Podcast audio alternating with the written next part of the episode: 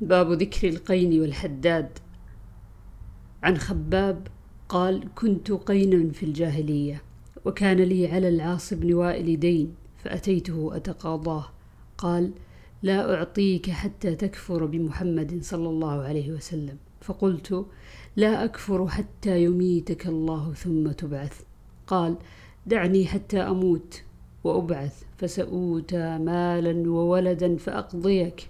فنزلت أفرأيت الذي كفر بآياتنا وقال لأوتين مالا وولدا أطلع الغيب أم اتخذ عند الرحمن عهدا؟ باب ذكر الخياط. عن أنس بن مالك رضي الله عنه أن إن خياطا يقول إن خياطا دعا رسول الله صلى الله عليه وسلم لطعام صنعه.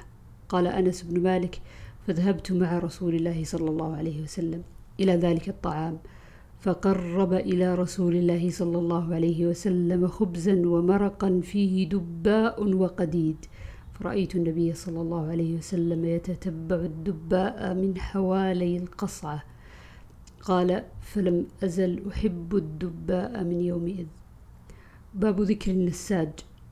عن سهل بن سعد رضي الله عنه قال جاءت امرأة ببردة قال أتدرون ما البردة? فقيل له نعم هي الشملة منسوج في حاشيتها. قالت يا رسول الله إني نسجت هذه بيدي أكسوكها. فأخذها النبي صلى الله عليه وسلم محتاجا إليها. فخرج إلينا وإنها إزاره. فقال رجل من القوم يا رسول الله أكسنيها. فقال نعم. فجلس النبي صلى الله عليه وسلم في المجلس ثم رجع فطواها. ثم أرسل بها إليه فقال له القوم ما أحسنت؟ سألتها إياه لقد علمت أنه لا يرد سائلا. فقال الرجل والله ما سألته إلا لتكون كفني يوم أموت. قال سهل فكانت كفنة. باب النجار. عن أبي حاسم عن أبي حازم قال أتى رجال إلى سهل بن سعد يسألونه على المنبر.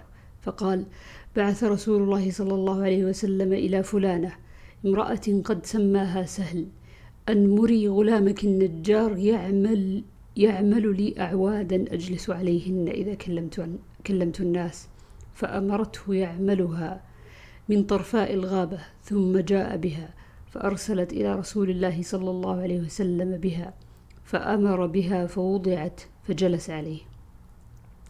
عن جابر بن عبد الله رضي الله عنهما أن امرأة من الأنصار قالت لرسول الله صلى الله عليه وسلم يا رسول الله ألا أجعل لك شيئا تقعد عليه؟ فإن لي غلاما نجارا قال إن شئت. قال فعملت له المنبر. فلما كان يوم الجمعة قعد النبي صلى الله عليه وسلم على المنبر الذي صنع فصاحت النخلة التي كان يخطب عندها حتى كادت أن تنشق. فنزل النبي صلى الله عليه وسلم حتى أخذها فضمها إليه فجعلت تئن أنين الصبي الذي يسكت حتى استقرت. قال بكت على ما كانت تسمع من الذكر. باب شراء الحوائج بنفسه. وقال ابن عمر رضي الله عنهما اشترى النبي صلى الله عليه وسلم جملا من عمر. وقال عبد الرحمن بن أبي بكر رضي الله عنهما جاء مشرك بغنم فاشترى النبي صلى الله عليه وسلم منه شاه واشترى من جابر بعيرا. عن عائشة رضي الله عنها قالت اشترى رسول الله صلى الله عليه وسلم من يهودي طعاما بنسيئة ورهنه درعه.